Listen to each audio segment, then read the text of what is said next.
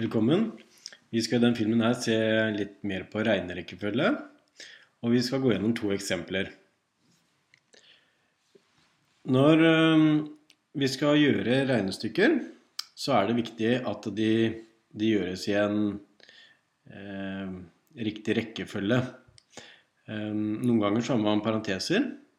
Da må man regne ut det som står inni parentesene, før man gjør noe som helst annet. Er det potenser her, så tar man det som nummer to. Så kan man multiplisere og dividere, altså gange og dele. Og så til slutt så legger man sammen og trekker fra addisjon og subtraksjon.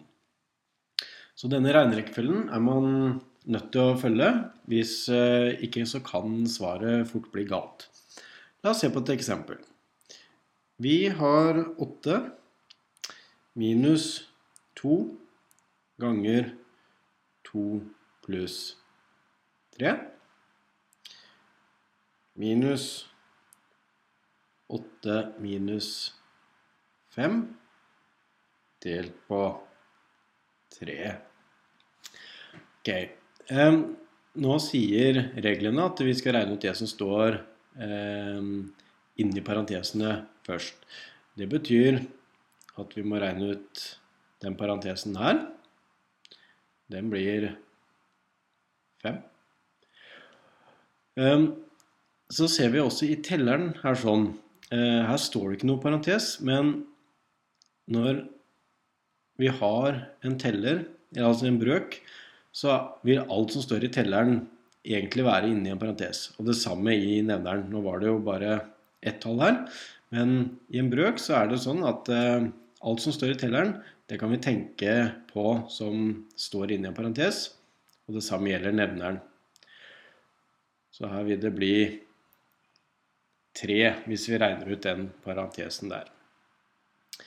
Ja, da betyr det at hvis vi skriver opp stykket en gang til nå, så har vi da 8 minus 2, og så har vi resultatet av parentesen her, 2 ganger med 5, minus 8 minus 3, det ble jo 3, delt på 3.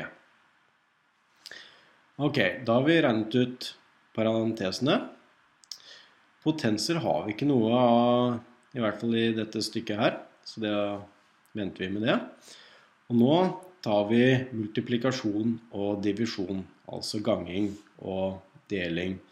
Og da ser vi at her har vi 2 ganget med 5. Faktoren 2 ganget med faktoren 5. Blir 10. Og her har vi en brøk. Det er jo et delestykke. Vi får 3 delt på 3. Og resultatet av det er 1. Så 3 delt på 3, det er 1. Og nå skriver vi opp stykket enda en gang. 8 minus, og så har vi resultatet av den multiplikasjonen der. Den var 10. Minus 3 delt på 3, som var 1. Slik. 8 minus 10. Har man 8 og trekker fra 10, så får man minus 2. Så dette her er minus 2. Og har man minus 2, og så trekker man fra enda en, så ender man opp på minus 3. Så svaret her er minus 3. Hvis man ikke hadde fulgt denne regnerekkefølgen, så kunne det fort blitt galt. For da kunne man f.eks. tatt 8 minus 2. Så tar man svaret der, og så ganger man med parentesen eller noe sånt. Og det ville i hvert fall gitt andre svar.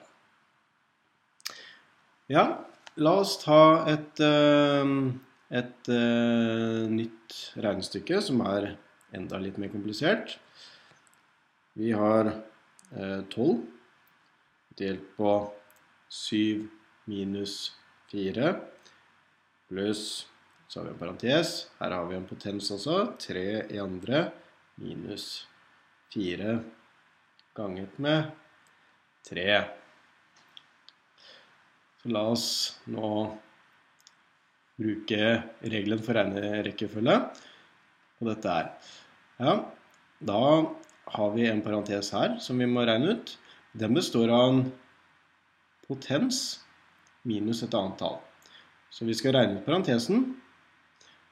Og når vi regner ut parentesen, så må vi da regne ut potensen først, og så ta svaret der og trekke fra 4. Og 3 i andre, det er jo 9 minus 4. Så alt inni parentesen her, det blir da 9 minus 4, eh, som er 5. Her har vi også to ledd i nevneren, så da tenker vi også at vi har en parentes her. Og 7 minus 4, ja, det er 3. Ok, da har vi regnet ut alle parentesene. Så da sitter vi igjen her med at 12 delt på 3. Så har vi denne parentesen her som vi regner ut. Da måtte vi ta, ta potensen. Potensen før vi tok addisjon og subtraksjon. Så vi måtte regne ut potensen før vi trakk fra 4, og vi fant ut at dette ble 5. Og da skal jo dette ganges med 3. Det er sånn. Ja, da har vi en brøk pluss en multiplikasjon, og da sier regnereglene at vi må multiplisere og dividere før vi tar addisjon og subtraksjon. 12 delt på 3, det er 4, pluss 5 ganger 3, det er 15. Og hvis man regner ut det, 4 pluss 15 så får man at det er 19. Da har vi tatt to eksempler hvor bruken av regnerekkefølge er viktig.